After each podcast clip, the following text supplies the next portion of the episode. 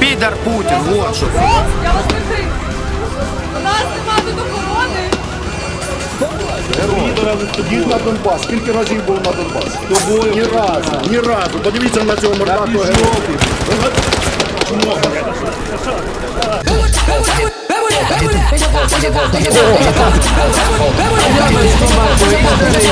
Ko jūs tagad abi divi menti teiksiet, ā? Kādēļ tu to izdarīji? Nu, zini, vecīt, geto ir tāds līkums. Nošai tevi vai tu nošauj citus. Redz šo mantiņu, es viņu dabūju un es nošauju citus. Man vajadzēja naudu, lai savam draugam samaksātu par operāciju. Atredz, ko man izdarīja. Tāpēc, ka viņš bija stulbs un viņš redz, ko man Spił José. Igor, nelamājies! Nu não, tas to muti, não, tad to galvu não, blēd, sīga, sīga, não, Tā kā bitcoinam, não, viņš nav, blēd, não, nav jātaup, nav não, vērtība jāuzina, viņš não, jātērē, blēd. Alnu, não, protams, būs arī não, vēl Joker. Let's go. Būt Kurā, Krievija. kurā pusē? Būt tu esi, Krievijas? Tā, pusē. kurā, kurā tu esi? pusē es esmu Ukraiņas pusē? Es esmu arī Ukraiņas pusē. Esmu Latvijas pusē, actually. Es esmu pareizajā robežas pusē. Mm. Jā, no, sākās karš, un, un visi jautāja, vi, internets bija pilns. Ko domā Simpsons Tas bija galvenais, ko. Mēs varam ieņemt Kaviča pozīciju, ka mēs esam pret karu. Tā kā māja, Tāda māja, bija es esmu Kiviča māja pozīcija? briežu pusē. Kāda bija Maija pozīcija? Ah, nē, sejauts, tā bija brieža. Es, es, Māja kāpēc brieža? Kavičs nosauc, nezinu, Kavičs viņa jau saka. Viņa pozīcija bija, ka viņš nezinot, kas notiek, bet viņš jebkurā gadījumā ir pret asins izliešanu. Brieža, brieža pozīcija. Jā. Nu, tad viņš varēja varbūt kaut kā nacionālistiskāk to. Bet, zināmā mērā, varbūt, varbūt viņš tiešām nezina, kas notiek, un nelasa Viņš ziņas. viņš ir pārāk tā kā- aizrāvies, Viņš tā kā viņš ir actually nezina, kas notiek. Un tā kā viņš tiešām nesaprot, par ko visi cilvēki Ne, runā. viņš līdzīgā tajā dienā, kad man liekas, bija invasions, viņš bija kaut kur Amerikā saģērbies kā Super Mario. Tā kā, uh, cīnoties kaut kā Un kaut ko. Viņu pēc otrajā tajā kara dienā bija rīta panorāma, un pa viņu, viņu izgājās. Tā arī diezgan, diezgan, ā, diezgan traki. Kurš? Rīta, rīta ziņās. Kaut kāds tur žurnālists. ā, Pidars. Bet tur tā diezgan jā, tā nejauki. Tur pateica, ka tur Bērtāns, tur uh, NBA teica, cik viņam bēdīgi ir un ka tur viss tur teiks, cik ļoti viss ir bēdīgi. arī kolektīvā bēda. viņam. Bet uh, par uh, mēģinājumu brīvs tikmēr bija vienkārši par kāriem. Mm. Es jau neiešu vērtēt, vai ne? Jā. Katram jau savs dzīves gājums un tā tā. Šis ir tāds brīdis, kad pārvērtēt, varbūt nu, tā kā, izvērtēt uh, cilvēkus, kuriem seko. Un tādā garā var Noteikti, saprast, kurš ir, kurš ir kurā pusē. Un kurš ir, kā, kā sacīja, jāsaka. Zaļais cilvēks viņš. Jā, tieši tā. Piemēram, Sims. Esmu redzējis Sims tāds internetā. Jocīgs bišķiņš, varbūt tāds, hei, bet uh, arī tur Amerikā jocīgi. Pasties, arī no Ukrainas puses ir jocīgi. ne? Tad es uzreiz saprotu, ka Sims ir Kremļa aģents ļoti iespējams. Ir iespējams, jā. Jā, Edijs tikmēr arī kaut kādus mīmīmus, kaut ko jokojās tur internetā. Es arī nevaru saprast līdz galam. Ivars. Ivars vienīgais, Jokojās. Ivars ie- vienīgais nopietns. Jā, un es, es vienīgais tam Ivars ir. Kievs spoks vienkārši. Jā, un es esmu šodien apkopējis visu konfliktu vēsturi. Visi fakti tev ir? Nu, labi, man nav visi fakti, bet, uh, bet ir kaut kas, ko es atceros pats no bērnības, un arī bišku Wikipēdijā paskatījos. Jā. Un tādā garā, jā, tā Es redzēju Vaisa dokumentāri. Jā, es nezinu, ko mēs, uz ko mēs īsti tēmēsim šo epizodi, jo nu, mums laikam nav kā, nekāds gudrs insights par to. nu, mums ir arī īsti oriģināls teiks par to. Nu, mēs arī esam baigi smieklīgi. Jā. Bet uh, mums ir viedoklis. Bet mūsu Patreonam joprojām pieteikties, pat ja nav epizodes. jā, jā, jā. Tas gan ir jāatcerās. Bet, uh, cik, cik tu, uh, es nezinu, man ir. Tev ā, ļoti silts Man atkal uh, mājās krāsnes apstājās, jo atkal problēmas ir. Tāpēc es mājās visu laiku sēžu ar uh, kombināciju un uh, hudiju. Mm. Es Tas ir bēg projām uz Igauniju. Viņam liekas, ka karš sāksies drīz. Viņš Viņš ir grib gatavs tālu. šīs minūtes Viņš laikā. grib būt tālu. Ielikt Jā, kuģī. ja, ja, ja tu sāki par konfliktu, cik tu tālu, cik tu tālu sāc? Tā, nu, pats tagad sākums droši vien jau. Nu, mūsu kultūras.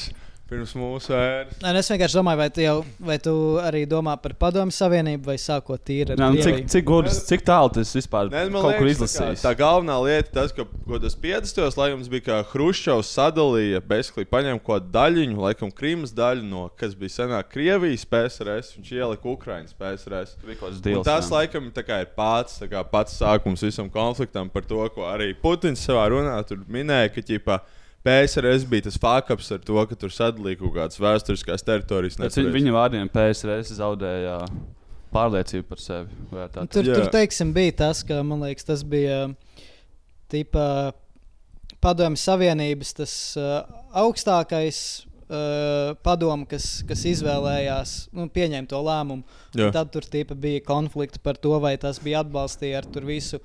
Uh, nu, tipa, cik mērā tās republikas ir autonomas Tas toreiz jau bija konflikts diezgan liels. Nu, es nezinu, cik lielā mērā tas bija konflikts, Mm. bet tas, ka tur bija tipi jautājumi, vai, eh, vai, arī, vai arī tas bija varbūt tas tieši tik pacelts vienkārši pēc tam, pēc Mm. padomju savienības. Jo tā, kamēr, kamēr ir padomju savienība, Jā, kamēr jā. Krievija tip, ir viņas vadībā savā mērā, nu viņiem pohuj par to. Tik līdz ir tur neatkarība, tad viņi to pacēla kā jautājumu. Tip, nu, tas nebija gluži legāli, un tāpēc ir pamats mums ķip, to pieprasīt. Atpakaļ. Krīma vispār ir uh, tāds uh, nozīmīgākā vieta visā tajā reģionā, man liekas. Tas arī no vēstures skatījuma arī tur bija Grieķijam ļoti nozīmīga vieta. Tur viss uh, nāca, viss arī viss greini no turienes un uh, labība. Un, Mm. šeit. un tagad tur ir uh, neaizsalstošā ostas, cik saprotu. Un, uh, Jā, tur tā osta mi- mi- militāri svarīga. svarīga. Un arī pirms pa, Pirmā pasaules kara, starp citu, Krievija ļoti ātri savāca tieši Krimu sev uh, atpakaļ. Jā, tur, tur bija ģipa, uh, Krīma ir ģipa home of the Black Sea Fleet. Tā mm Mhm. -hmm. ir ļoti svarīgā osta. Un uh, tur ir rakstīts, ka, ka, ka, ka viņa tika nodota. Uh, nu, kā kāds insignificant symbolic gesture, ģipa, kā Ukraiņas pusē, basically. Ne, bet tas, tas, bija, tas jau bija lieta, vispārīgi. Un tad, kad izveidojās Padomju Savienība, tad, uh, protams, uh, bolševikiem viņiem ir svarīgi tas, ka visas opozīcijas un visas citas politiskās fakcijas spēka, nacionālās kustības, kā, protams, ietur to Mhm. mm. visu līdzi un uh, ar viņiem ķipa netaisīt nekādas problēmas. Tāpēc viņi, domājot, ka viņi būs pie varas vienmēr, dažreiz iedod kaut kādu mēra, tipā, nu, ķipa, dāvanu, lai Jā. nopelnītu viņu nezinu, lojalitāti vai piekrišanu tam, ko viņi dara. Jā. Nu, vispār Krim tāda forša vieta, man liekas, tur diezgan silts ir tā kā priekš uh, Eiropas standartiem. Uh, Odessa arī Krimā laikam, vai ne? Nē, nē, nē, nav? nē, nē, Bišķi nē. ārpus- ārpus- Tur tev fakti ir ļoti Nē, es nepareizi. tāpēc prasīju, tas bija nē, nē. Es, es uzzinu. Tu 5 eiro maksās man. Kāpēc? Es, es, es tāpēc jautāju, vai ne? Bet tā Odessa arī ir tuvu. Odessa, principā, ir, jā. tur, kur, Tuvu, right? tur, Pie kur uh, pie Ukrainas, uh, kur ir Ukrainas tā kā robeža ar jūru, Mhm. uh, aptuveni kreisajā pusē, uh, nu, sanāk, tas ir. Jā, jā. Jā. Un tas ir kaut kāds mazais kā politikas pārskats. Nu, es, es īstenībā, kas tur 90. bija gan jau līdzīgi kā pie mums, bet tur Ot, izveidojās Es, es par to tieši lasīju. par 90. Uh, jā, nu, tas ir vispārīgi arī, kā, kā Putins kļuva. Nāca pie varas, un arī nu, nevis kā Putins nāca pie varas, par to es tik daudz nezinu, bet kas tā kā izveidoja to pamatu, kāpēc viņš bija spējīgs nākt pie varas un, un noturēt Tieši par kontroli. Krieviju. Ja? Un, jā, tieši par Krieviju. Jā, Un, un kāpēc, nu, bišķiņ teiksim, ja mēs pašlaik runājam par to, un par ko daudz cilvēku saka, nu, Jā. problēma tas, ka Krievija ir tur uh, diktatoriāla vai mm. tas, ka ir nedemokrātiska. Un uh, tas nesākās ar Putinu. Tas bija principā 90. gados. Uh, Jeļsins nāca pie varas un sāka viņu implementēt uh, uh, privatizācijas reformas. Jēkšķins basically bija dzērājs, viņš bija stulbs un viņi varēja kā manipulēt. Principā kaut kādi oligārhi, arī rietumi, un tā, viņš tikai skatīs, ka tāds ļoti tā kā, nu, tāds tā kā sūdīgs līderis un principā dzērājs, jā, ķip, ko var izrīkot, manipulēt. Jā, jau vispār. Tūl. Vi- Visas vēstures laikā viņiem ir bijusi tāda, tāds uh, diktatora vibes. Uh, viņiem, man liekas, krievi, ja es pareizi zinu, tad viņiem ir bijusi tikai tāda viena īsta revolūcija, kas ir nostrādājusi visas vēstures Mm. mm. laikā. To arī, arī man liekas- tas man, ie- man liekas, arī tagad liekas, domāju, kāpēc tas notiktu tagad pēkšņi. Varbūt dēļ, varbūt dēļ informācijas. Bet, Nu, viņam uh, kolektīvisms svarīgs, ja, piemēram, Dugins vienmēr uzsver, ka krieviem ir kolektīvisms un dvēseli, ko, nu, ka viņam nepatīk tas. Jā, bet kroč, tad, kad tiek uh, padomju savienība i- izjūka un viņi sāk, Jā. tagad ir tagad šis process, uh, divas lietas. Uh, m, uh, tirgus un ekonomikas liberalizācija un demokratizēšana. Un uh, šis ir diezgan interesants. Par to var daudz uzzināt. Nu, pirmkārt, vienkārši plieguļējot, es lasīju kaut kādus rakstus gan no mūsdienām, skatoties to apakaļ, gan arī tajā laikā, kā par to runāja. Uh, tas, ka fokus, un uh, šis arī parādās, uh, tika deklasificēti. Uh, Samers, kā pareizi sauc, Klintona biblioteka, Mm. tipa, kur ir viss aprakstīts, viņa sarunas, un plāni un stratēģija par Krieviju.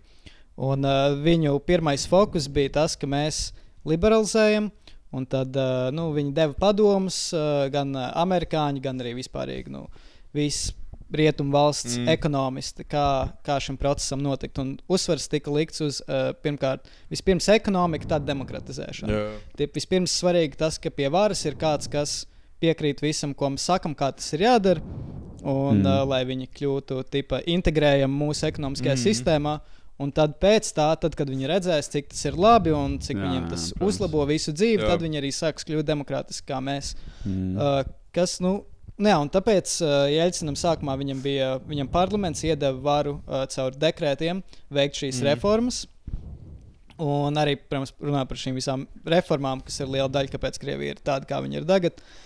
Uh, tas ir tā saucamā šoka terapija. Tas, ka tas notiek nevis tipa lēnām, bet tas, ka principā Mm. nu, maksimāli ātri tiek nomainīta šī sistēma. Brīvā tirgu pilnīgi. Nu, tas, ko viņi darīja, ir, bija, bija dažādas sistēmas, kā viņi šīs uh, valsts uh, īpašumā esošās kompānijas padarīja par privātām Nu, tad kompānijām. Līdzīgi var iedomāties, cilvēkā Latvijā ir visi noteikti redzējuši Jā, nu, teiksim, privatizāciju. nu, tur bija dažādas stratēģijas. Viena bija tas, ka visiem cilvēkiem tika iedot kuponi, par ko viņi varēja iegādāties Tokeni. un saņemt. Uh, nu, tas bija airdrops. Principā, jā, tas bija airdrops uh, cilvēkiem ar airdropā. Kuponiem, lai viņi varētu iegādāties šīs kompānijas. Bet problēma ir tāda, ka tev neeksistē nekāds tirgus, vai ne? Tev, tu nevari taisīt nekādu chart analysis, TA, Jā. vai ne? Tu, tu nezini, kāda ir šīs te kompānijas vērtība. Un tas, Un ko tie zina, kuponi, ko dabū pretī, arī es nezinu, vai tā kā Nē, nu, tu tos kuponus tu vari apmainīt pret, tu viņus vari pārdot, vai arī tu viņus vari apmainīt uh, uh, pret šīm te Principā akcijām. tā kā riska spēle visiem ir vienāda. Tipo Jā. kuponu, tagad tev vajag izturēt. Nē, bet, bet šeit ir asimetriska informācija, jo parastiem iedzīvotājiem viņiem ir, viņi nav ekonomisti, viņiem nav Jā. pilnīgi nejausmas, cik šie kuponi ir vērtīgi. Mm. Cik, uh, ja viņam ir akcija šajā uzņēmumā, cik tas patiesi vērtīgi ir. Tas, kas to zina, ir uh, iekšējie cilvēki, menedžments uzņēmumu, kā arī dažādas uh, organizācijas, kas var veikt kaut kādu veidu ka, viņam ekonomisku tie, analīzi. tie gudri aizgāja pie tiem nabagajiem, samainīja pret maizes kukulu to kuponu. vai Nu, Protams, bija tā, protams, ka jā. vienkārši, un ir tīpaši arī skaties, ka liela daļa no populācijas ir, teiksim, pensionāri, kam ir pilnīgi cits uh, mērķi, uh, un viņiem, viņiem, viņiem neinteresē, ko ilgtermiņa stulbākie dividendes. pensionāri Viņiem vajag naudu tagad, lai ēstu, un, uh. Un tad ļoti da daudz daļu no cilvēkiem vienkārši pārdeva viņus par Daudz ļoti lētām cenām. Nezinot kuponus. viņu īsto vērtību, domājot, ka viņi dabūna labu un tad lēnām Jā. visas šīs Mm. akcijas uh, uzņēmumos tika uh, nu, Parādījās oligārhi. nonāca oligarku rokās, Jo, uh, mene, uzņēmuma menedžmenta rokās, un tad tālāk tas mm. viss attīstīsies ar vien vairāk un vairāk. Mm. Jā, tas, ka izveidojas šī ļoti stipra oligarku klase. Un tad, uh, Putins protams, jau bija tas, kurš viņus visus kā Tas, savāca tas kopā. tam, tas, Tas, tas, tam, ir, jā. tas ir jau pēc tam, bet karoči, nu, kamēr viss šis notiek, parlaments sāk kļūt skeptisks par uh, šīm te Jelcina reformām un, un Jā. tīpaši par to autoritāti, kas viņam ir. Jo, Krievu mentalitāte. jo viņš veic šos uh, lēmumus, viņš veic šos lēmumus bez parlamenta uh, atļaujām, bez parlamenta balsojumiem. Aha. Viņam ir šīs tā, izpildvara to darīt. Un tad uh, 93. gadā parlaments uh, sāk parādīties liela opozīcija, un viņi domā, uh, un viņi sāk ielauku veidu kļūt- papu un Un parlaments sāk kļūt skeptisks par šīm reformām un par uh, šo te varu Jelcina rokās. Jā. Tas, ko viņi dara, ir viņi sāk publiski paust savu opozīciju, mēģināt kaut kāds plāns, Jelcins iesūta iekšā tankus un uh, parlaments tiek atstādināts. Tipā Zatlers, bet uh, ar simts cilvēkiem mirušiem. Jo. Uh, tas notika 93. gadā. Pilnīgi tiek sagrauta opozīcija Jelcinam, un uh, jaunais parlaments, kas tiek atkal sastādīts, protams, nu, vairs negrasās pret viņu baigi kaut ko iebilst. Mm. Un tad nu, tas viss turpinās, un tad uh, sākot. Uh, kad sāk parādīties uh, nākamās vēlēšanas 98. gadā. Jelcinam ir nereāla nepopularitāte, viņam ir 10% uh, approval rating, mm. nu, izstāsta ļoti, ļoti čābīgi. Gadījumā tā neuzsāka karu, vai tas bija Uh, nākamais? pēc tas bija. um, Man Nu, liekas, tas bija 96. bijis bija vēlāk. Čečenija. uh, man liekas, tas bija bijis vēlāk. Vēl. Uh, bet Kročs, uh, Klintons redz Jelcinu un vispār Amerika redz Jelcinu kā ļoti, ļoti svarīgu viņu uh, Mm. draugu. Tas, ka Jā. viņš sadarbojas ar viņiem, viņš, uh, no, uh, viņš ir iet virzienā, lai integrētu Krieviju ekonomiski ar mūsu visu Mm. sistēmu. Tāpēc viņi ļoti grib viņu atbalstīt. Un tad ir publicētas šīs kaut kādas sarunas ar Clintonu un, un Jelcinu, kur Jelcins viņam prasa. Uh, viņam, teiksim, tur jāmaksā pensijas, ko viņa valsts nevar atļauties. Viņš saņem aizdevumus no uh, šīs IMF, uh, International Monetary Fund. Viņš pieprasa 2,5 miljardus, viņam iedod 200 miljonus, viņš sūdz, cik tas maz, bet, nu, kroč, viņam nāk šis atbalsts gan ekonomiski no uh, visādiem uh, ekonomis, Mhm. mm. uh, šiem tā bankām un tam līdzīgi aizdevumi, un arī politiski un, uh, teiksim, uh, Viņš lielākos vilcienos. Nu, viņš viņš Jelcins, teiksim, saka, ka Clintonam tas, ka man izstāsta slikti, ja NATO izplatās vai ne tālāk uz austrumiem. Clintons pasakā, es nevaru gluži tev tā kā pateikt, ka tas nenotiks, ķipa publiski, bet mm -hmm. nu, es neko neteikšu, ka tas notiks. Jā. Viņš jau pieprasīja, vai viņus varētu iestādīt ķipa G7, mm. Mhm. būt G8 ar Krieviju. Viņš pasakā, sorry, nē, bet nu, es tev apsolu, ka šajā konferencē nekas slikts par tevi netiks pateikts un būs mm. tikai labas ziņas tev. Un tad vēl atsevišķi no visas šīs Clintona uh, Davos formā izveidojas tāda oligarhu alianse ar uh, šiem jauniem krievu oligarhiem, kas uztaisa milzīgu, vairāku simtu miljonu kampaņu caur savām mēdīju ziņu kompānijām. Uh, lai šo te Jelcina atkal ievēlēšanas kampaņu Jā. Padarītu veiksmīgu, un tas notiek, viņš atkal tiek ievēlēts. Turpina šī varas oligarkiem centralizācija. piederēja šie- viss mēdī, viss nu, pilnībā absolūti. Jā, un tad, par, par, par un tad. Jelcins nominē Putinu principā kā savu nākošo pēcnācēju. Mhm. Un uh, tad lēnām, uh, no de, pārējot no 90. līdz 2000. sāk parādīties dažādi nu, šķā, šķēlu. Uh, Šķēlums starp rietumiem un Krieviju.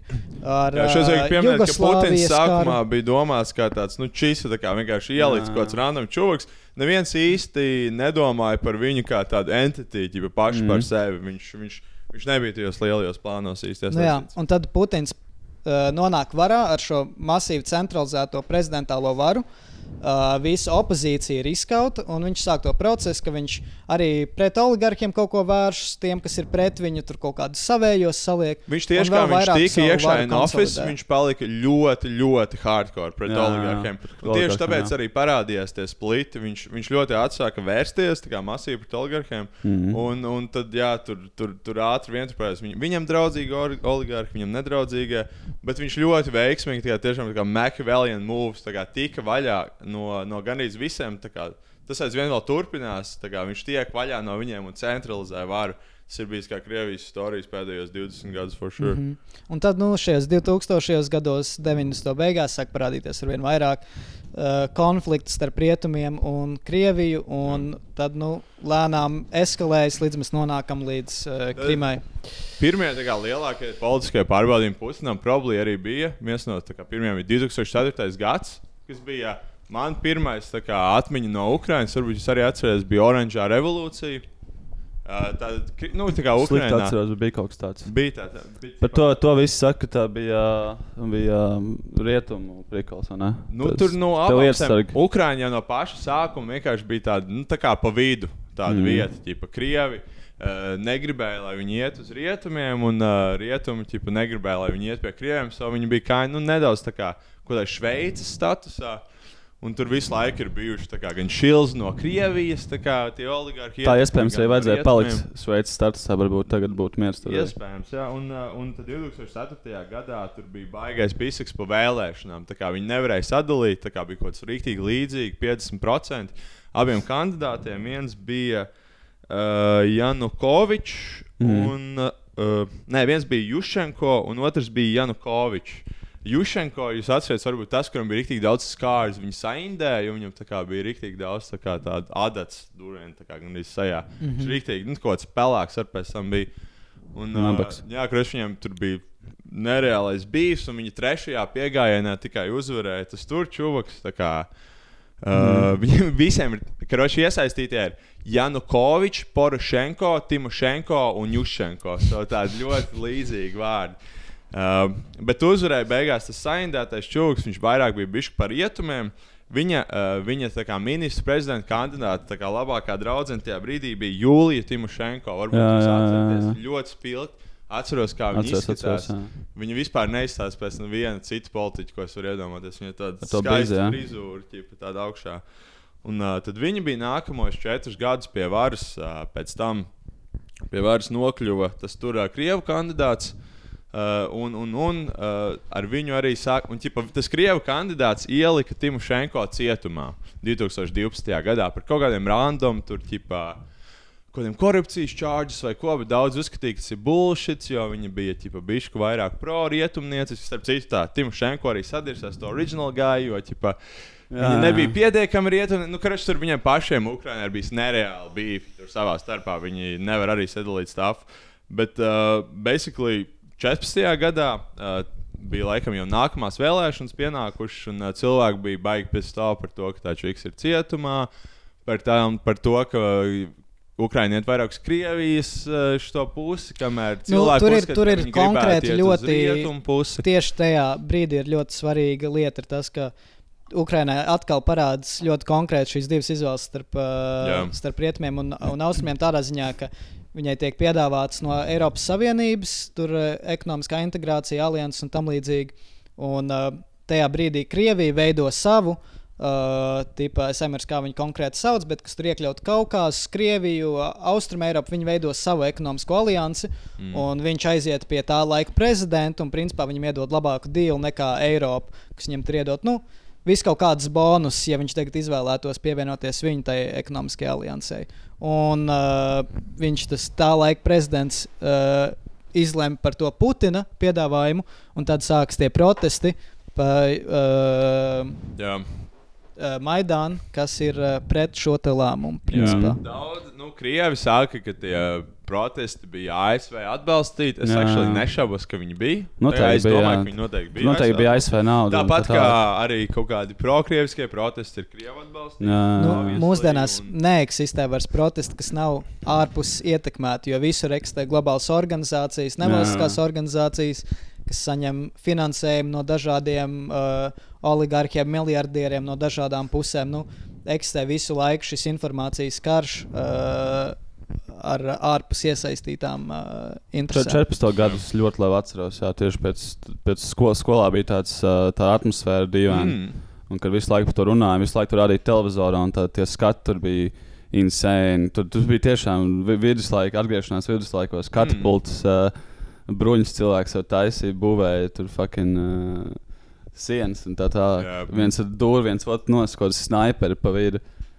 Tur bija, tur bija heavy. Jā. Sākumā atceros, bija arī tāds pa, patiesa risks, kā arī nu, doma, ka varētu Latvijā varbūt, vai Baltijas valstī. Bet... Mēs gaidījām, ka tur Daugavpilīši sāksies. Jā, jā, tās, nu, tāds- kad jau, kad jau būs. Jā, jau parādījās kaut kādas organizācijas, jā, tipo Daugopilī, kaut kā tur, tipo, mēs arī esam separātisti un vi- viss tas, tipo, beigās, beigās. Ai, jau tur- Benis ir par uh, Latvijas separatismu. Viņš definitīvi. Viņš arī toreiz aizbrauca uz Donetsku, gan nevis palīdzēja latgaliešiem, bet uh, Donetskā ņēmās. Mm. Uh, Starp citu, kāds teica, ka viņš tagad ir cietumā vispār Krievijā. So, viņa kā, kā neizgāja viņa. Kurš gan nav cietumā mūsdienās Kurš Krievijā? Godīgi. Cietumā bijis. Viņš ir pārāk radikāls. Jā, un tad, principā, notiek šie protesti, kas ir par Eiropu.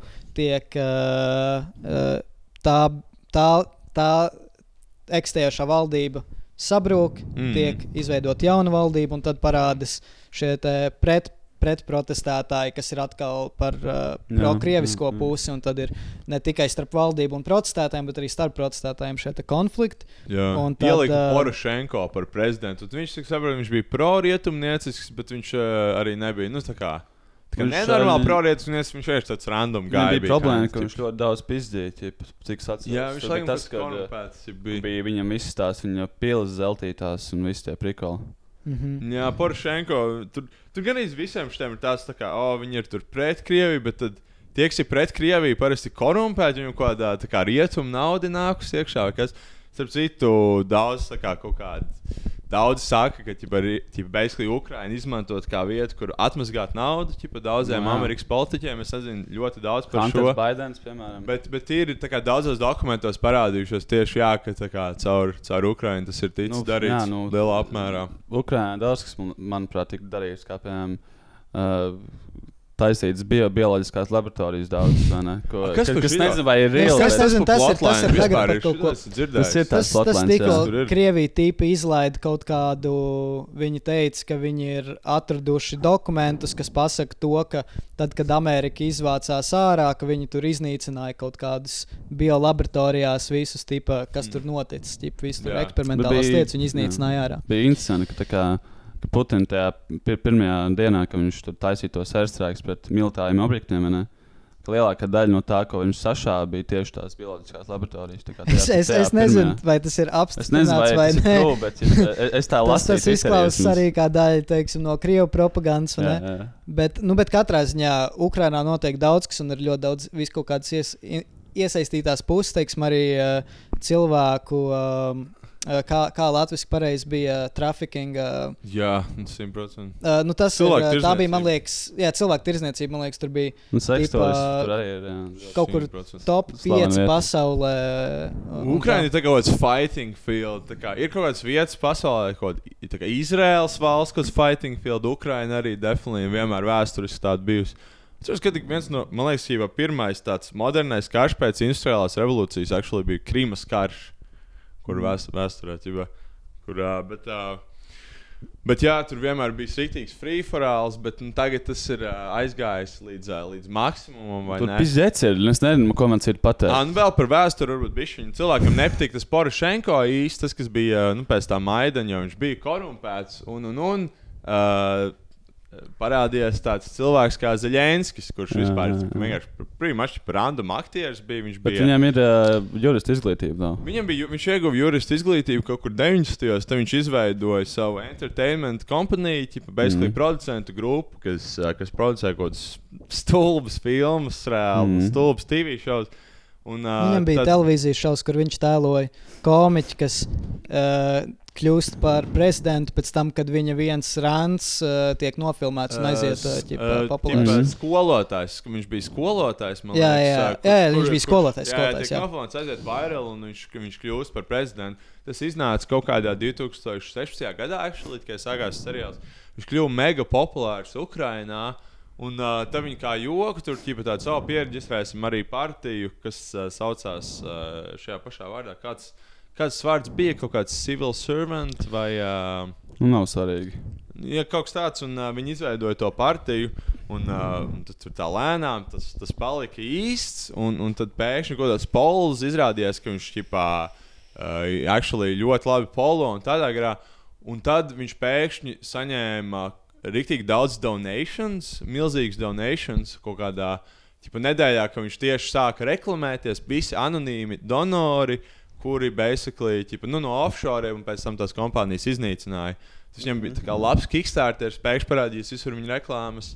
Uh, Es, kurš tas bija? Viņš, viņš, viņš ķipa, pateica savu uzrunu, un, uh, un tā lēnām viņš arī nu, ķipa, nokļuva par, uh, par, kļuva par Ukraiņas prezidentu. Viņam īstenībā nebija tāda spēcīga kandidāta pretī. Ķipa, viņš diezgan pārliecinoši beigās ar 73% uzvarēja. Jā. Un ir zināms, kā, nu, principā, kuri tie ir bijuši kaut kādi. Nu, protams, ka katram politiķim vajag ķipa backing. Mhm. No, nu, tie ir Viņš, viņš tāds ģenerāli pat nav pro-rietumniecisks. Viņš cilvēkiem patika, jo viņš bija tāds, tipā, middle ground. Ķipa, viņš nebija arī atceries, kā, kad sākās tieši konflikts, ķipa, kaut kādā janvārī.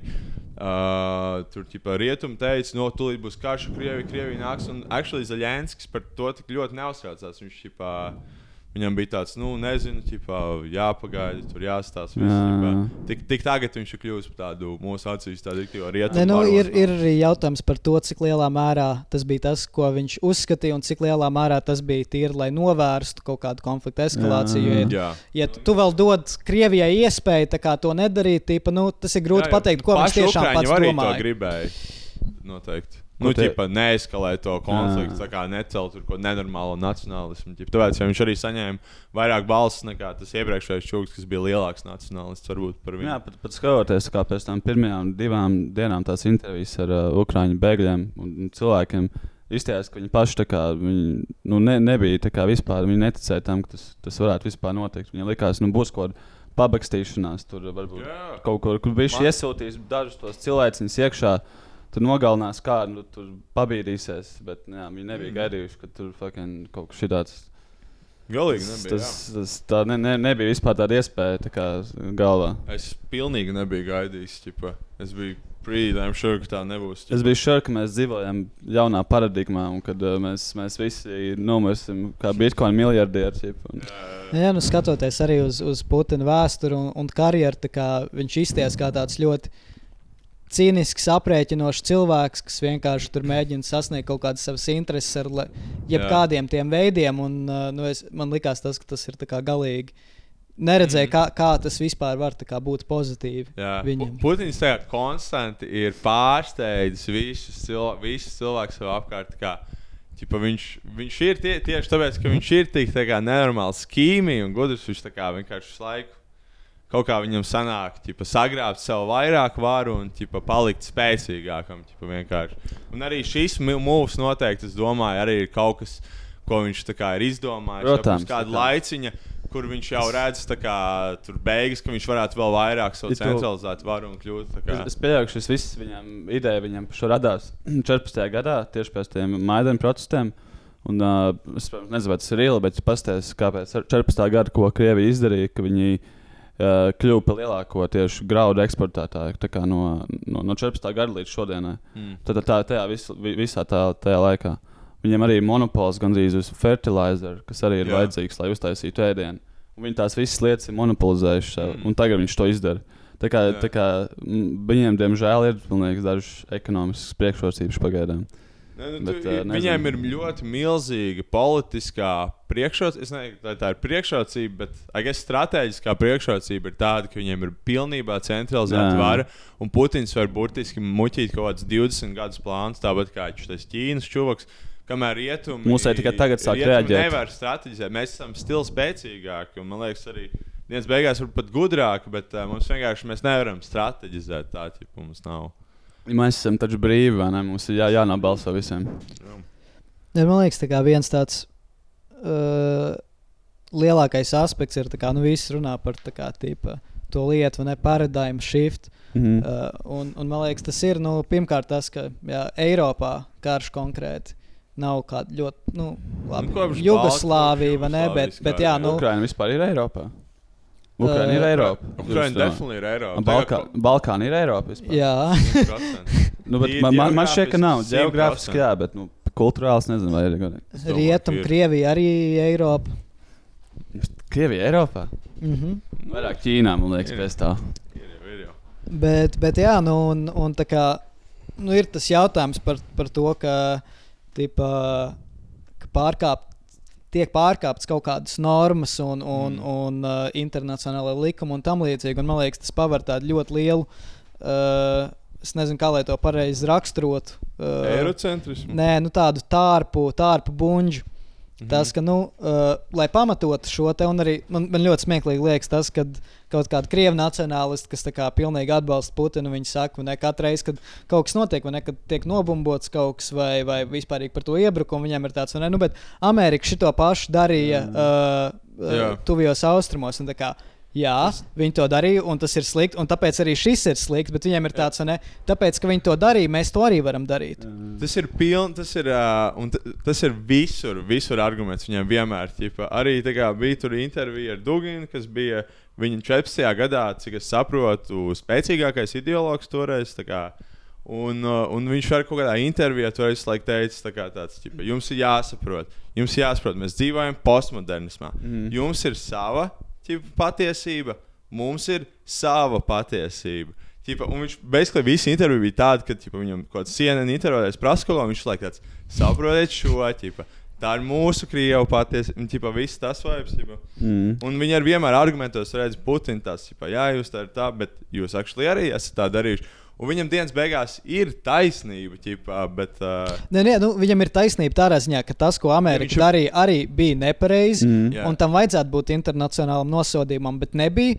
Un tāpēc nu, viņa pamats ir, nu, ja viņiem nebija, tad kāpēc lai mums būtu? Jo viņš, viņš ļoti labi saprot, ka tas ir reāli politikas un tā kā, ka Amerikā ir vara, un tāpēc viņi to var darīt. Bet viņš bezsakā pīlo tā kā, visiem cilvēkiem, kuriem ir iesaistīts tas, ka nu, Amerika pārstāv absolūtās vērtības un visu to, ka, ģipā, ērē, kur arī amerikāņi dara. tādā Nē, nu, vienkārši tā, tā, tāda lieta ir, nu, ka mēs runājam par internacionāliem likumiem, internacionālām normām. Lieta ir tāda, ka, teiksim, ja tu pasties līmenī kā valsts, likumi var eksistēt, jo tev ir spēcīga vara. Kas skaitas kā nu, tipa neitrāli, tas, ka tiesu sistēma ir vai ne, uh, akla, tu tiec mm. -hmm. uh, pie visu tur taisnīgi izvērtēts. Jā. Un tad tev arī ir policija un vispārējais autoritātes, kas šos likumus var nu, panākt to, ka viņi tiek ievēroti. Ja tu pasties uz internacionāliem likumiem, tad tas gluži neeksistē. Teiksim, pašai uh, ANO nav nekāda vara, viņiem nav nekāda mm. militārie spēki. vat, zini kā- Viņiem ir savi peacekeepers, kas tur dažreiz aizbrauc Āfrikā, tur palīdzēt kaut kādu genocīdu apturēt.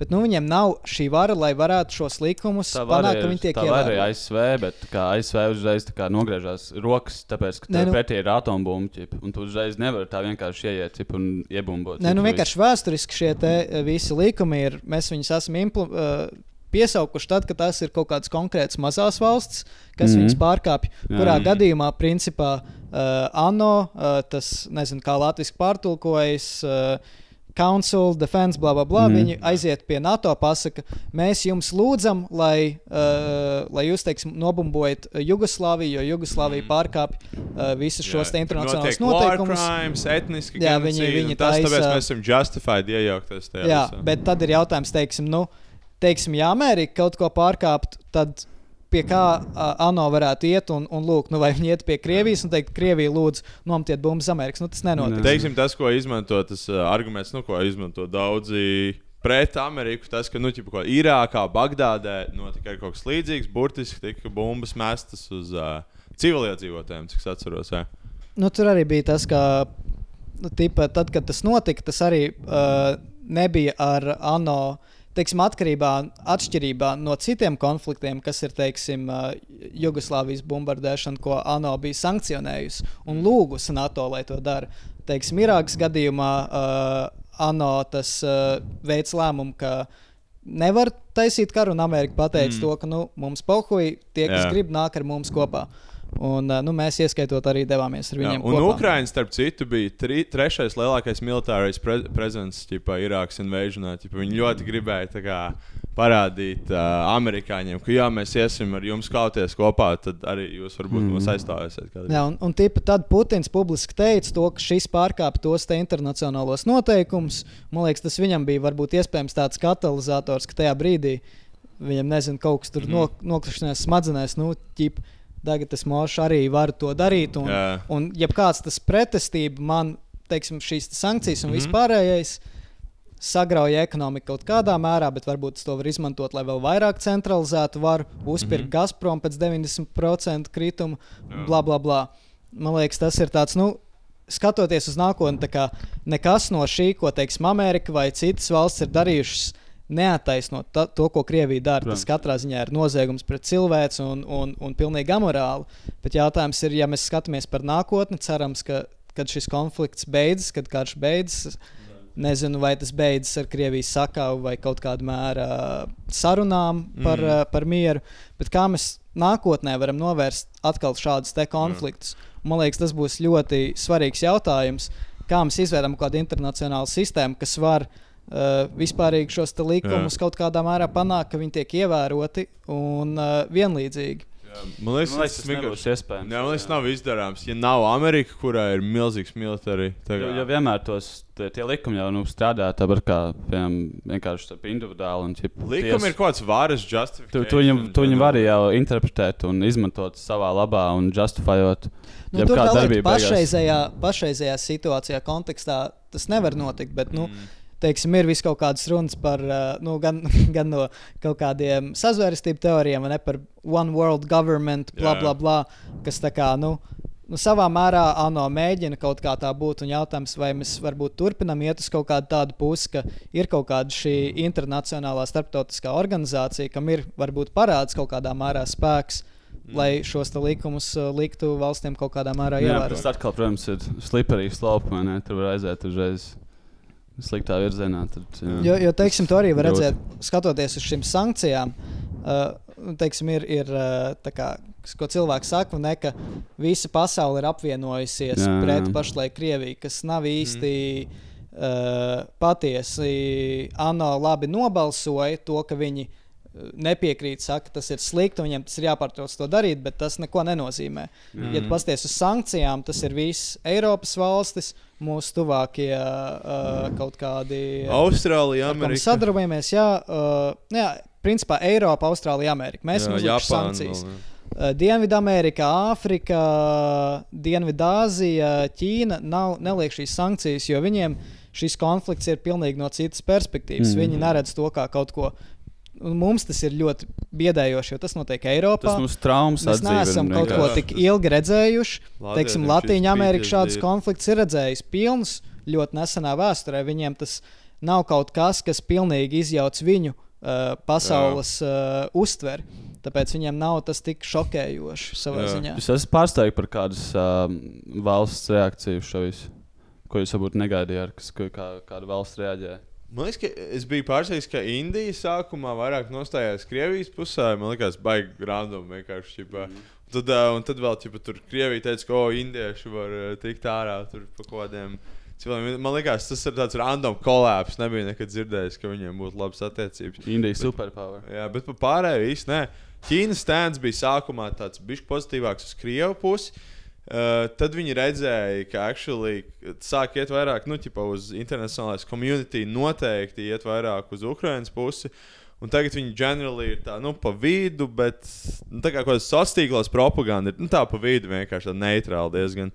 Nav, nav gluži neviens stends, ko viņi ieņem. Nu, nu, to var redzēt, teiksim, viņiem ir kaut kādi, uh, nezinu, es redzēju video, kas tur viņu tipu tiktu, kā, kur kaut kā džeki. Uh, viņam kaut kāda bilde ar Putinu, un viņi saģērbušies kā tur krievu armīnieki un kaut ko Mm. tur joko par to, kā viņi nogalinās. Uh, nē, nevis ar Putinu, bet ar Zelenski. Un Viņi kaut ko joko par to, ka viņi nogalinās Zelenski vai viņam mm. Mm. kaut ko nogriezīs uh, Jā. šajos te daigtu un kaut ko tādu, kas mums šķiet tā kā traki, šausminoši, kā par to var smieties. Bet nu, viņiem tas ir tāpat, kā kad mēs skatāmies uz karu tu- tuvijos austrumos, tad mums arī ir, vai ne? Cik ir kaut kādas komēdijas par tipa, teroristiem, par bumbām, bla, bla, bla. Nu, viņiem, es pieņemu, ir vienkārši līdzīga perspektīva uz to, vai ne? Tas notiek tālu prom. Mēs, Jā. mums tas ir, mums ir svarīgi, vai ne? Tur kaut kas ģeopolitiski, ar ko mēs draudzējamies, ko nē, bet viņi to neuztver emocionāli tādā līmenī, kā mēs. Baltija kaujā savā starpā. mēs. Man liekas, man liekas, ka Krievija gaidīja, ka Vā- Vācija paliks neitrāla šajā jautājumā. Ķipā, jo Vācijai tā visa gāze no Krievijas nāk. ķip. Bet gāze vēl joprojām plūst. Jā, jā pa- pagaidām vēl plūs, bet Jā. Vā- Vācijā sākumā viņiem bija tāds, nu, ka mēs, mēs negribam Viņi iesaistīties. sākumā Nu, pat negribēja viņi konkrēti Nord Stream no. Nord Stream 2 kanceloja, kas ir tas, kas būtu pat taisno no jā. Krievijas uz, uz Vāciju, bet caur Ukrajinu konkrēti turpina iet gāzi uz Eiropu un, un biznesa notiek kā parasti. Kā Es nesūdzos, man ir silti pagaidām. nu, nu šeit ir tā kā var redzēt, ka veidojot šīs sankcijas. Visām valstīm ir apsvērums, kā mēs paturam savas intereses, minimizējam mm. savu Mhm. ekonomisko zaudējumu. Tas viss ir daudz ciniskāk un, un daudz mazāk kaut kāda tīra morāla ā, apsvērumu dēļ arī. Putins, domāju, nu, ļoti labi zināja, ka uh, tas šāds viņa mūvs uh, noteikti uh, sašķels uh, Eiropu iespējams savā, savā ziņā. Varbūt initially varbūt savienos, visiem būs tāds, o jā, mēs esam pie Krievijas, mēs to zinām. Bet kā, te, kad sāksies tie dīli, kad sāksies tā maizes dalīšana, kad sāksies uh, fucking visu to resursu dalīšana, kuram kas tiek, es domāju, tur varētu piemēram tādas valstis kā mēs tikt uh, diezgan ļoti apdalītas, salīdzinot ar ko Nīderlandu vai, vai, vai Vāciju. Man liekas, ka vācieši vispār atkal ir pierādījuši sev kā pilnīgus idiotus. un Viņus vispār varētu vispār izņemt no Eiropas ārā. Viņi atkal visus mēģina saprast. Viņi bija ķipa kaut kāds līdzīgs. apmainīt uh, populācijas Ukrainu un uh. Vāciju kopā. Viņi, viņi bija atkal kaut kāds Eiropas līderis, uzņēmušies Eiropas līderu lomu, bet viņi izdara kaut kādu jobanu strateģisko mistake, manuprāt, kas ir, par ko arī Trumps teica. Viņš aizbrauca uz Vāciju, Jā, jā. viņš dīrs virsū vāciešiem par to, ka viņi muļķīja augšā to Nord Stream 2 vēl pēc Krimas invasion, kad ir saprasts, ka Krievija ir tā kā, nu, ka viņi tā dara lietas. Viņi ķipa, tomēr domā kaut kādu multi-dekāžu līgumu, jaunu, kā visa Eiropa basically būs atkarīga no Krievijas. Kas tas ir? Es burtiski neesmu politiķis, kā es uzreiz varu saprast, tas ir stulbs. Plāns, tas ir kaut korupcija, kaut kas ar korupciju, gan jau vai kaut kas tāds. Tā kā Nu, Tas ir vienkārši var tāpēc, ka, uh, man liekas, viens no lielākajiem motivatoriem cilvēkiem, uh, domājot par ko balsot, ir tavs uh, komunālo rēķins. Un, True. un ja viņš tev uh, konkrētas partijas varas laikā uzaug divas reizes, mm. labi iespēja tas, ka tu nākamajās vēlēšanās balsos par uh, citu partiju. Ir simtprocentīgi iespēja, ka Latvijas hokejs tagad ir pilnīgi miris. Jo Dārziņš un Dārgaviņš ir aizgājis, un KHL ir banots. Un tā kā nu, vienkārši nav. Latvijas hokejs var ķip, nomirt arī, diemžēl. Bet, uh, nekāda mums, Tas lielākais los. mums jābrauc, mums jāuztais spēcīgi, ko nezinu, Baltijas līnija. Nu, Bet, jā, jau bet, kaut ko bet es arī domāju, mēs runājam Plēšana par Latviju un, un par mūsu aizsardzību. Mēs visu laiku dzirdam, ne, nu, paldies Dievam, ka mēs esam NATO. Un, tā kā, nu, no savā ziņā, jā, bet no otras puses, ja mēs skatāmies uz to, ka nu, Amerikai konkrēti bija arī savas intereses Ukrajinā, un viņi uh, atbalstīja viņus. un Man arī sajūta ir tāda, ka varbūt Zelenskis sagaidīja kaut kādu lielāku atbalstu no Amerikas, ja tiešām viss aizies pa pieskari. Bet viņš nebija. NATO. Viņi, bet viņi nebija NATO. Tā ir Ne, tā, viņi, tā viņi galvenā nebija lieta. NATO, bet viņi bija. Bet viņi bija, teiksim, bija Budapeštas, uh, tas bija, kur viņi atdeva savus. Uh, Uh, savus atomieročus, uh, ka, kas arī bija daļa no strateģiski visu ne, Clintona un Jelcina sadarbošanās, 90. lai sākumā, samazinātu uh, atomieroču. Bla, bla, bla. Kroči, tur arī tika parakstīts tas, ka uh, Ukrainas teritorijas uh, suverenitāte vai nevis tas tiek apstiprināts, un arī Amerika ir viena no iesaistītajiem parakstas.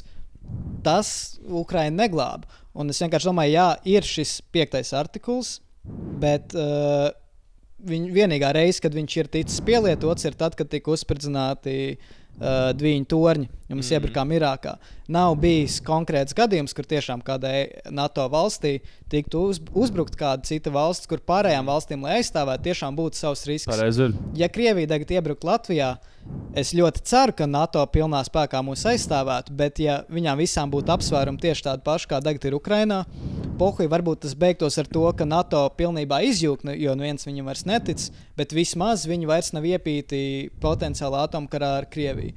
Es, es tiešām nezinu, kā tas attīstītos, man liekas, ļoti svarīgi ir izveidot alianses ar mums tuvām uh, Jā, valstīm. Agree. uh, Igauniju, Lietuvu, Jā, jā, Somiju. Poliju. Jo tām visām valstīm ir ļoti konkrēti savi. Ja, mēs, ja mums tiek iebrukti, pie mums iebruk, ja Mm. mūs, teiksim, iekaro, tas uzreiz viņiem ir nedroši. Jā. Jo Jā. viņiem ir ar mums robežas, viena jūra un tam līdzīgi. Amerikai, ja iebruk iekšā Latvijā, viņiem ir savi ģeopolitiskie apsvērumi. Labi, varbūt viņi tur uh, makro līmenī bijuši papiši, bet tas viņiem nav eksistenciāli bīstami. Viņiem nebūtu šis te, nu, cīnīties līdz pēdējiem motivācijai, Nu, kas domāju, būtu šīm mūsu kaimiņu valstīm. Ie, iebrukums Baltijā būtu vienkārši domino efekts līdz tā kā pilnīgai dirsai. man liekas. Jā, tas būtu. Nu, man domāju, liekas, vienkārši mēs, mēs nevaram tīri paļauties uz to, ka, vai ne, ka ja, ja tas notiks, ka NATO mūs izglābs, Nu, mums ir mēs- jādomā mēs par to, kā mēs varam. uz to, Nu, pašlaik, jā. Bet Tur mums būtu- nav arī citas opcijas. Tā kā Tas, tas tā ir vienīgā opcija. Nu, man liekas, tīri man liekas, tīri attīstīt savas militārās spējas, lai, lai vienkārši tu sasniegtu to punktu, kur uh, tu vari neatkarīgi uh, vismaz. Tā, līdzīgi, kas pašlaik notiek Ukrajinā. Ukraina arī ir maza valsts. Ja tu domā tā, kas uzvar karā, Ukraina vai Krievija, protams, Krievija uzvar. Mm. Uh, ķip, jo viņi ir liela valsts, bet mēs redzam, kas patiesībā notiek, vai ne viņas uh, cieš liels bojā, bojā, bojājumus. Nu, Ukraina nav tāda, un, nu, un viņai ir 60 potenciāli viņi cilvēku pazaudē vairāk nekā iegūst to darot. Un, Jā, ja mēs Krieviem- militāri attīstāmies, ne lai mēs varētu uzvarēt Krieviju vieni paši, mm. bet lai tas, ka lai mūs iebruktu, tas beigās nebūtu nekādā veidā tā vērts, jo viņi pazaudētu vairāk Jā. nekā viņi jebko iegūtu. Un, man liekas, ja tu sasniedz to līmeni neatkarīgi no, teiksim, NATO. Uh, Ja mēs paši attīstām savu militāro spēku, mēs izveidām mm. Mhm. kaut ko ciešāku Bet uh, aliansi ar, ar Baltijas valstīm. Man liekas, tas būtu kaut kas ļoti nopietns apsvērums, par ko mums ir jādomā. Tā nākotnē. Kā atceroties to, ka mēs ņemam tos NATO izķiks un to viņu naudu, mēs, mēs piekrītam arī kaut kādiem amerikāņu noteikumiem, kā mums ir jādzīvot. Piemēram. Mūsu jau arī brauc uz Irāku, tā kā palīgā amerikāņiem. Tad Tas, tā kā- tas kā, protams, ir ok.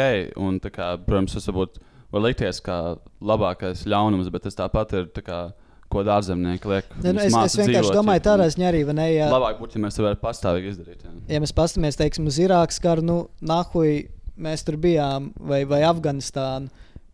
Vai mums ir bijis jebkāda drauda no terora uzbrukuma? Mēs tur esam, vai ne? Jo mēs esam daļa no NATO, mums ir jāiet līdz šīm Mm, pienākums, politiskajām jā. interesēm. Un Tā tāpat viņam arī. Un, Nu. nu.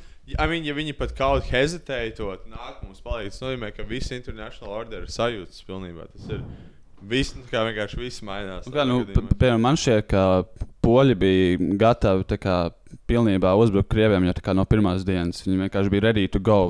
liekas- ir divi tā militārijas uztaisīts, un viņiem ir, viņi ir palūguši, Vieni- lai viņiem sātais kaut kāds nenormālos, tā kā amerikāņu. Steigums. vienīgais, kas viņus atturēja no kā, palīdzēšanas tā kā, for real Ukrainai, bija NATO. ķip. Jā. So, vai viņi būtu insta aizgājuši un viņi būtu tāds fuck you. you, you, you Viņi pro, poļi un lietuvieši ir probably vislielākie Kriev, tā kā Krievijas hateri, kas, kas eksistē. ķip. Lat Latvieši, jā, tā kā es skatījos tos status, un nu, mums ir, mēs esam Lat Baltijas vājākais punkts, tā kā mil militāri. Militārais, jā. Un saku, mums ir geogrāfiski vislielākais potenciāls tā kā no Baltijas. Mēs esam Ā, pats Lietuvai- centrs. Lietuvai, tāpēc, ka Liet, caur Lietuvu viņi tiek līdz Kaļiņgradai. So Lietuva, man liekas, būtu tāds nākamais atak. Viņi, A, Nē, nē, es, es, domāju, es domāju to tā kā starp Baltijas valstīm, ne, ne militāri, mm. bet kā ekonomiski un geogrāfiski. Liekas, mums ir tā kā la labākais novietojums ar Rīgu, lielāko pilsētu, ar Daugavu, kas aizplūst līdz. Un kāpēc mēs esam kā tik, tik weak? Tas var būt kaut kāds krievu aģenta darbs. jo, piemēram, tā kā bija the tikko, bucket, bet- taču Baltkrievi testēja mūsu robežas. Man liekas, viņi testēja ar tiem bēgļiem. Čekojot, cik, cik, mēs labi tur skatāmies Mm. tās robežas. Un tur bija visādi reportāži, ka visi tie skatu torņi, kas atcelti Latvijā, viņi ir pilnīgi useless, piemēram.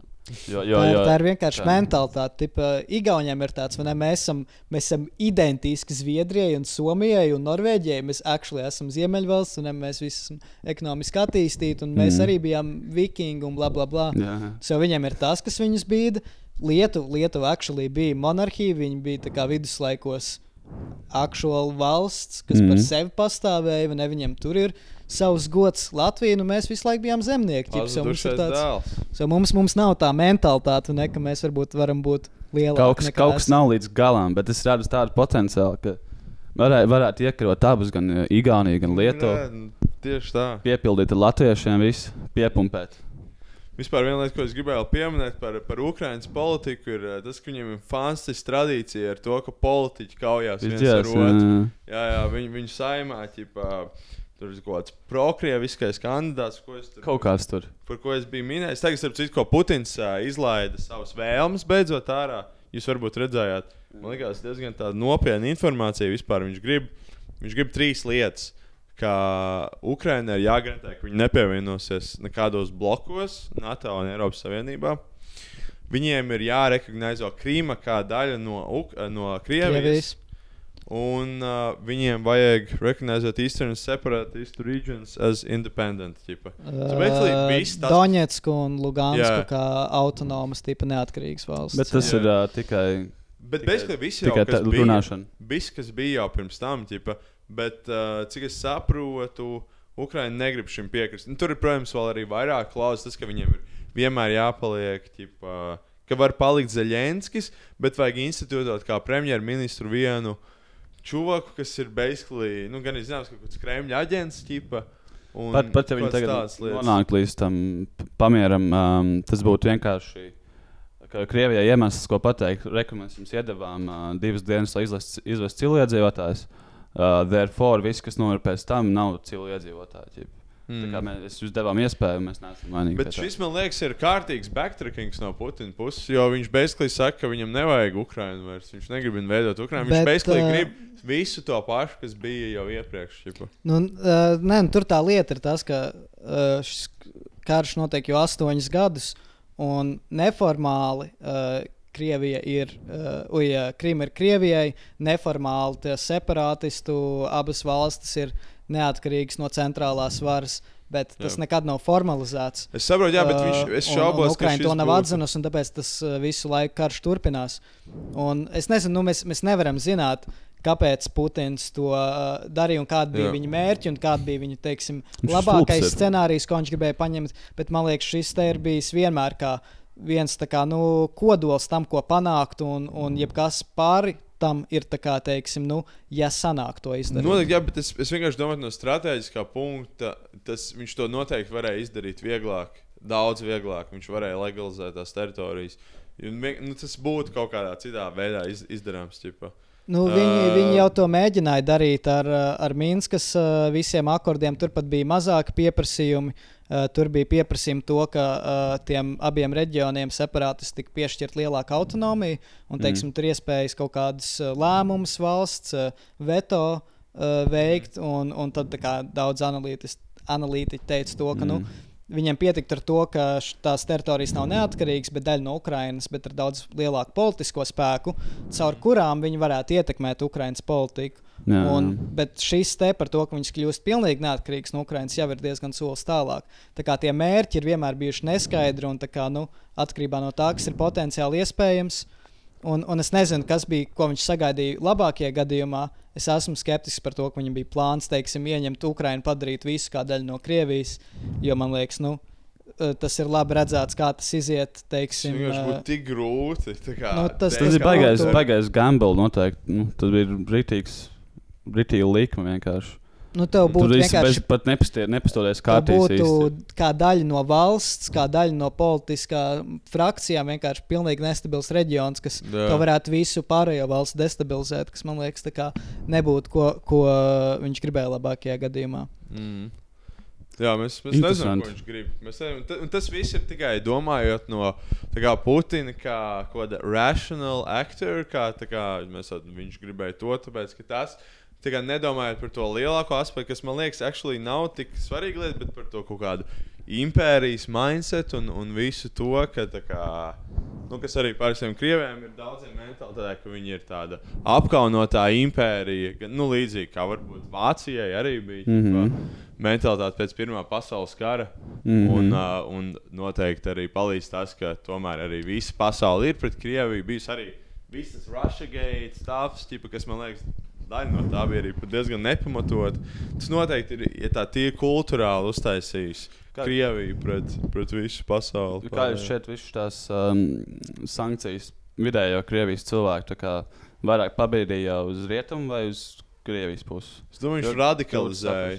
Tieši, tieši tā kā Krievijas labā radikalizēja. Ja? Man liekas, ka uz abām pusēm ir abām, jā, jā, tie, kuri jau bija izdomājuši kaut kādā virzienā, es domāju, viņi tikai palika polāri tālāk. Mm. So, Mhm. vai nu tu esi nenormāli dusmīgs uz rietumiem, ka viņi ir apvienojušies kopā un ir pret Krieviju, vai arī tu esi vēl dusmīgāks Putins, ka viņš ir klauns. Viņš Mm. burtiski nogalina cilvēkus. Tā kaišo. vis, par ko tu jau esi brīdinājis, tā kā iekšējā valstī, tas tagad notiek arī pret Ukrajinu. Ja, nu, es, es arī redzu, ir teiksim, pēdējā laikā ir populārs parādījies, vai ne? Nu, kādam tur iekšēji vai nu no viņu izlūka dienesta, vai nu no tuvējā tur loka, kādam viņš ir jānomūšī, vai kaut kā, vai arī tipa, pārņemt varu, kas man liekas, ir tā kā. Nu, Iespējams, tas rezultātos labākā scenārijā, bet man liekas, arī tur ir pilnīgi liela iespēja, ka tas aiziet vēl Bet, sliktāk. ko tu domā tieši par to, ka. Nu, teiksim, ja kāds viņu pašlaik nogalinātu, Putins kas notiktu? Man liekas, Jā. ka, man liekas, ka vienkārši viss sabrūkt. Man liekas, ka pi- galvenā, pirmā galvenā lieta ir nogalināt Putinu.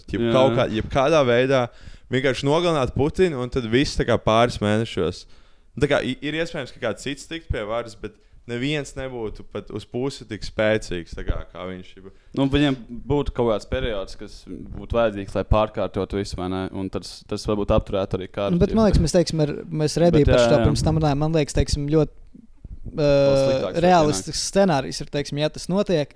Uh, kaut kāda Putina viņa uh, frakcija, kas, kas viņu atbalsta, ir viņa lojālisti, mm. -hmm. paliek pie varas, un tad viņi var šo te izmantot kā pilnīgu.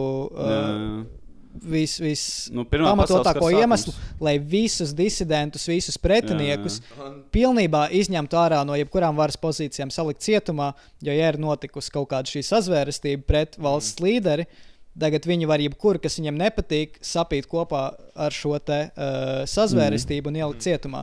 Tu biji daļa no šī te, un pilnībā, pilnībā konsolidēt varu vēl lielākā līmenī. nešķiet, ka tā varas konsolidācija notiks either way, tipa, un vienkārši ar Putinu viņš vienkārši būs vēl labāk, jo viņš ir tas, kas actually visu izveidoja. Viņš nebūs, nu, viņ, ko viņš kaut ko konsolidēs, bet nebūs neviens, kas viņam saka, ko darīt. Jo man liekas, ka tiešām ir tā, ka tur, tur nav tā, ka kāds pūlo Putina strings vai kaut kas tāds. Man liekas, viņš tiešām ir kā, nu, rīktīgi centrāls tajā visā. Ķipa. Jo tās sankcijas vēl vairāk centralizēja viņa vārdu. Ir Jā. viņam, varbūt viņam atņēma, kā, varbūt viņam samazinājās portfolio cipariņš? Bet uh, viņam vēl vairāk, tā kā ir, viņš vēl Jo vairāk var fundamentāli jau nekas darīt baigi- lietas tiešā veidā. Nekas jau baigi nav mainījies, piemēram, kādā akciju tirgu Krievijā. Ok, viņi tās kom public kompānijas sabruka cenas, bet viņas vienkārši privatizēs. man liekas. Viņas vienkārši padalīs kā daļu no valsts kompānijām. Līdzīgi kā Ķīnā nesen actually arī notika, ka viņi izņēma jā, vienkārši no publiskās veidošanas kompānijas. Putins un Ķīna jau Šers, ga- desmit gadus uh, vāc ļoti daudz zelta, tā kā nu, stako zelta visu laiku. Jā, Es jā. domāju, ka viņi varētu pāriet, uh, pārlikt uh, rubli pret zeltu, kā nu, Es- es, es- es libertarians, jo Putins vēl teica, ka viņš tagad, tas, ko viņš darīs, viņš maksimāli mēģinās padarīt ekonomiku brīvāku. So, Starp Ķīnu un Pakistānu veiksim vēl. beigās Krievija būs kaut kāda tā kā right-wing based, ķipa, libertarian, NCAP paradise, ķipa, ar sociālo Bet konceptu. tā kā Inês, tu esi tā kā Sanktpēterburgā dzīvojošs jaunietis, kurš nodzīvoja 25 gadus tur. Tu esi konsumējis uh, rietumu mēdījus, uh, izmantojis iPhone visu laiku. vai ne? Un Tu brauc uh, ārpusēs, nezinu, uz uh, Grieķiju un Angliju.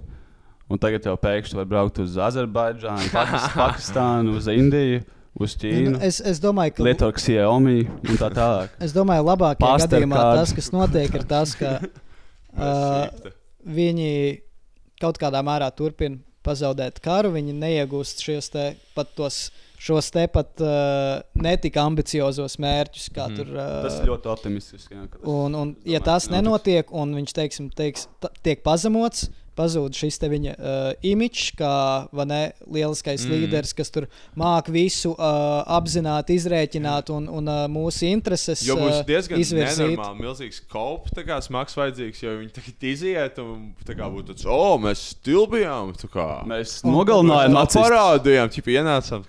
Un, un tad, teiksim, kaut kādās nākamajās vēlēšanās par, parādītos kaut kāda liela mēra, liels klusais atbalsts kaut kādiem uh, kandidātiem, kas būtu par Nav reformām aidiem.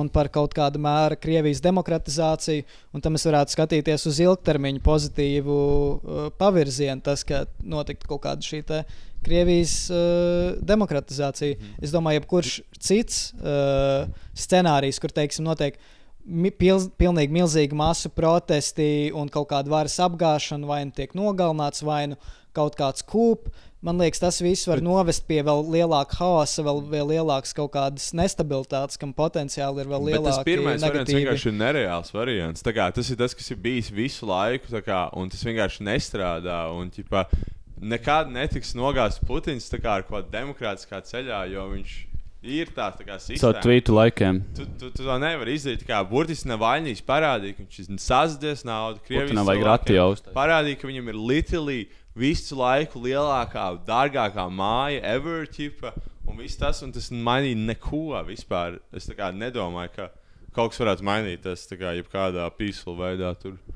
Diemžēl būtu labi, ja tā būtu, bet es vienkārši nesaredzu tādu opciju. Jo Putins pārāk labi māca manipulēt šo te ķipa. Nu, mēs esam ķipa demokrātijā, bet sakšu, esmu līderis. Ķipa.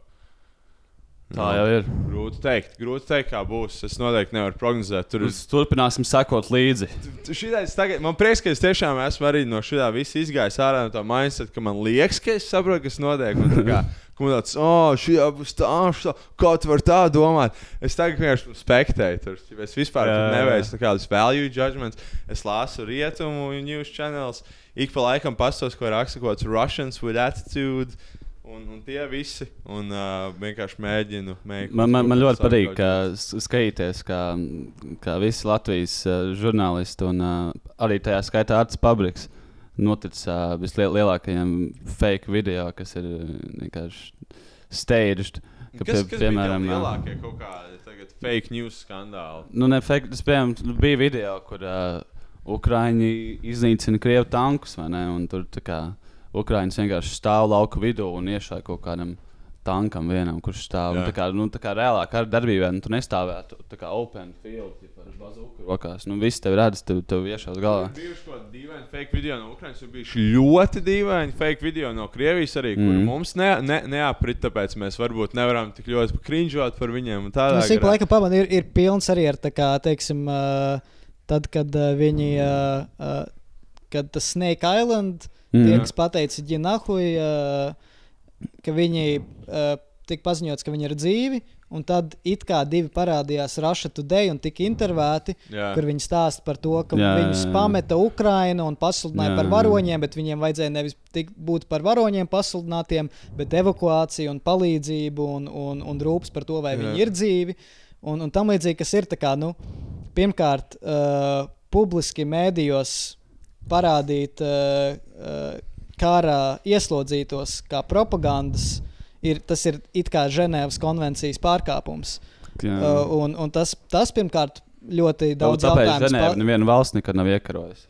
Kaut parāda. Jā, un, bet tas ir arī tā kā, nu, kāda iespēja, ka tas ir pa īstam un ka tie nav arī ķip, vienkārši divi aktieri, tīp, kas visu to te Jā, saka. jā. Uh, kas, kā, protams, krieviem ir tāds, jā, viņi saprot, vai ne, tas, ka Ukraiņa neuztraucas par savu nu, saviem reāli, cilvēkiem. tas, ko, tas, ko mēs tagad runājam, tā ir reāla politika un ziņas. Tā kā, tā, to patiesību gan jau mēs aptuveni uzzināsim pēc Nu, nezinu, domāju, gadiem, būs- gadiem būs- 50. da- Gadiem, Būs ļoti šipa- ilgs periods pēc šī visa, kamēr lēnām Mhm. vispār parādīsies bilde, kaut jā. kāda patiesība par to, kas ir bijis pārkāpts, kas ir bijis pat pa īstam, kas nē. Pašlaik ir ļoti, ļoti grūti vispār Tas ir saprast. ģipa, kas sauc Putinu uz. Hāgu. Ģipa, tā kā ģipa, viņš tur aizies tagad. Ģipa, tā kā jāsauc uz Hāgu. Tā kā vadīju mīnu. tā kā Viņš vienkārši neies turēt. ģipa. Kas Man- viņam būs tiesa caur Zoom kālu, kurā viņš pieslēgsies? Vai? Cik iedomājas? esmu pamanījis no kādiem amerikāņu sastīklotājiem, ne lielākā daļa, bet nu, ķipa, ir daļa, kur tā es tā kā, turpinu to prikolu darīt, ka, ķipa, hei, pasties, reku, Amerika kaut ko ķipa, tā kā, ir samelojusi bišķiņu, vai nu, kaut kāds video no Ukrainas vai kaut kāda lieta, kas ir tā pro-Ukrainas. Un tad atkal kaut kāda amerikāņu liberāļa, tā kā nenormāla soifeiso par to. Teiksi pret taisa guns. visu to parasto cringe vibe. Un tā kā ir daļa no tiem kaut kādiem komentētājiem, kuriem saka, tādi, o, pastieties, cik amerikāņi krīņš, paskatieties, cik šī lieta, ko Ukrāņi darīja, ir tipa meli. Viņi, kā, viņi visu laiku magnifējo kaut kādas lietas, ko amerikāņi dara slikti, bet viņi at the same time ir pilnīgi oblivious tam, ka Krievi dara pilnīgi visu to pašu un vēl desmitreiz trakāk. Un, kā, Ķipā, tas man arī pisu off. kā Daudz ko cilvēkam sakojas Twitterī, ilgi, kā Glens Greenvalds un vēl kaut kādu, kuriem parasti ir bijuši tīri labi teiks. Man liekas, viņi ir parādījuši sevi kā diezgan liels idiots šajā visā konfliktā. Nu, tas ir tāpēc, Piemēram, ka vienkārši viņi, mēs viņi... reaģējam uz savu informācijas telpu. Jā, ja tu neesi Krievijas informācijas telpā, ja tu neesi tur mutuāls Twitterī ar 50 pro-Putina kaut kādiem džekiem, vai ne, tu neredzi šo te. Uh, Krievijas Jā, jā, propagandu. tu Tāpēc dabiski tu reaģē uz, uz kaut kādu rietumu Un tu, propagandu. tu basically to vienkārši tas, kas man liekas stulbi, ir, ka tā kā cilvēks to skatās ar vienu kaut kādu culture war ķipā, vi- eh, viedokļu. Un bez mazliet kaut kāds tā kā vienā pusē ir Pepe, kaut kāds free speech, uh, ķipā, based, ķipa, kaut kāds tur anti-SJW, visas tās lietas. Un otrā pusē ir Staļins. liberāļi, uh, Ukraina. Ķipa, kaut kāds, nu, visas tās lietas, kaut kādas tur feministas. Un, ķipa, kāds sakars? Es esmu vairākas reizes dzirdējis to arī to pašu pointu, vai ne? Kad Krievijai tā trakā Ir bez mazliet tāds Ukraiņas transistīta armija pret beigstu. Krievijas nacionālismu, kas ir vienkārši pilnīgs. Viņam tāds vi- Viņam tāds, ka, bet pastāstiet, taču tu taču ļoti labi zini, ka uh, rietumos ir arī ļoti liela propaganda. Bet man liekas, ka nevar īsti nolikt vienādības zīmes starp Krievijas. Tu nevari vispār tāpēc, ka, nolikt. Tāpēc, ka rietumos ir nu, tāda decentralizācija, man liekas, stipri lielāka. Tā kā, nu, Tieši tā. Tik tie, tie avoti viens otru tomēr pārbauda. Jā, nu ir, ir, ir, ir, ir atšķirība, vai tev tā kā kaut kāda propaganda ir pataisno no oficiāli kaut kāda no mēdīju jā. kompānijas, vai arī, teiksim, no kaut kāda decentralizēta anonīmu. Twitter vai Facebook mm. kaut kādām komunām. Jo Bet mēs- tā, Bet, var, varbūt arī ir ilūzija, bet tev jāskrien. vai man ne? ir jāskrien uz uh, Fakt. mikriņu. Priekš tevi Uh, satiksim. es ceru, to, ka Ukraiņa parādīs Krieviem Šeit mums būs jāieraksta nākošā attālināta. Mums vajag, jā, mums arī Patreon, ko vajag. Nu, atvainojiet, atvainojiet. Bet man liekas, rēcīgs video bija iznesa, kā ir. Mēs esam redzējuši daudz, kur kāds uh, Joe Bidenis izstāsta fake, tipa, ka viņam kaut kāds dīvaini mehānisms. Jā. kas- Un, bet tagad iznāca nenormāls liekas, video, kad tas uh, Ukraiņš, šitais te Putins, rādumā tie, tie, tiek ar kaut kādām stūrtēm, kaut kādām 15 stūrtēm. Viņš viņām stāsta par kā invasion kaut kādā tādā parastā valodā, tipo, nu, jā, mums vajadzēja to tā un tāpēc. Un tas video bija fucking vienkārši fake video. Viņš bija tā kā. Izties sketčī, bet. Nē, bet viņš actually bija, viņš kā bija ielikts kaut kur tipa, vidū. Un tipa, tur varēja redzēt, kā viņam pāri mikrofonam. Bet Nu, tas varēja, tas arī ir tas varēja būt dēļ ķipā, formatēšanas un Twitter un tā tālāk. Nē, nu vispār tā kā, I guess, ir arī tāda opcija, bet vienkārši man tas likās arī loģiski, jo tāpēc, ka Putins nevienā video nekur viņš neparādās cilvēkiem tūmā. Viņš vienmēr ir ļoti tālu, viņam ir kaut kāda lieta, ķipa, kāpēc viņš Jā. to dara. Viņš iespējams uh, sajūt to, ka viņš attālinās no cilvēkiem. Viņš gribēja parādīt, ka viņš ir tuvu cilvēkiem. Nu, tā kā Jā. simboliski. Kā- Kāda liekas, kāpēc viņš tajos mītingos ir burtiski tā kā 4 metru attālumā? Tas ir ļoti jocīgi. Viņš ir uh, liels germofobs. Jā, man liekas, ka viņš varētu būt bail no Covid. Kaut kas viņam ar imunitāti droši vien nav. Ķipa. Varbūt viņam vēzis ir. Nu, cik es saprotu, viņš ir tāds ļoti tic kaut kādiem zīmēkiem un tādā garā. un Man liekas, ka, var, ka viņam nav paredzēts nomirt kaut kad drīzumā vai kaut kas tāds. Cerams, ka rīt. Jā, nu tā tad uh, tā simim. Uh, cerams, ka tā Putinam un uh, Slavu Ukraiņai! Slavu Ukraiņai! Čau!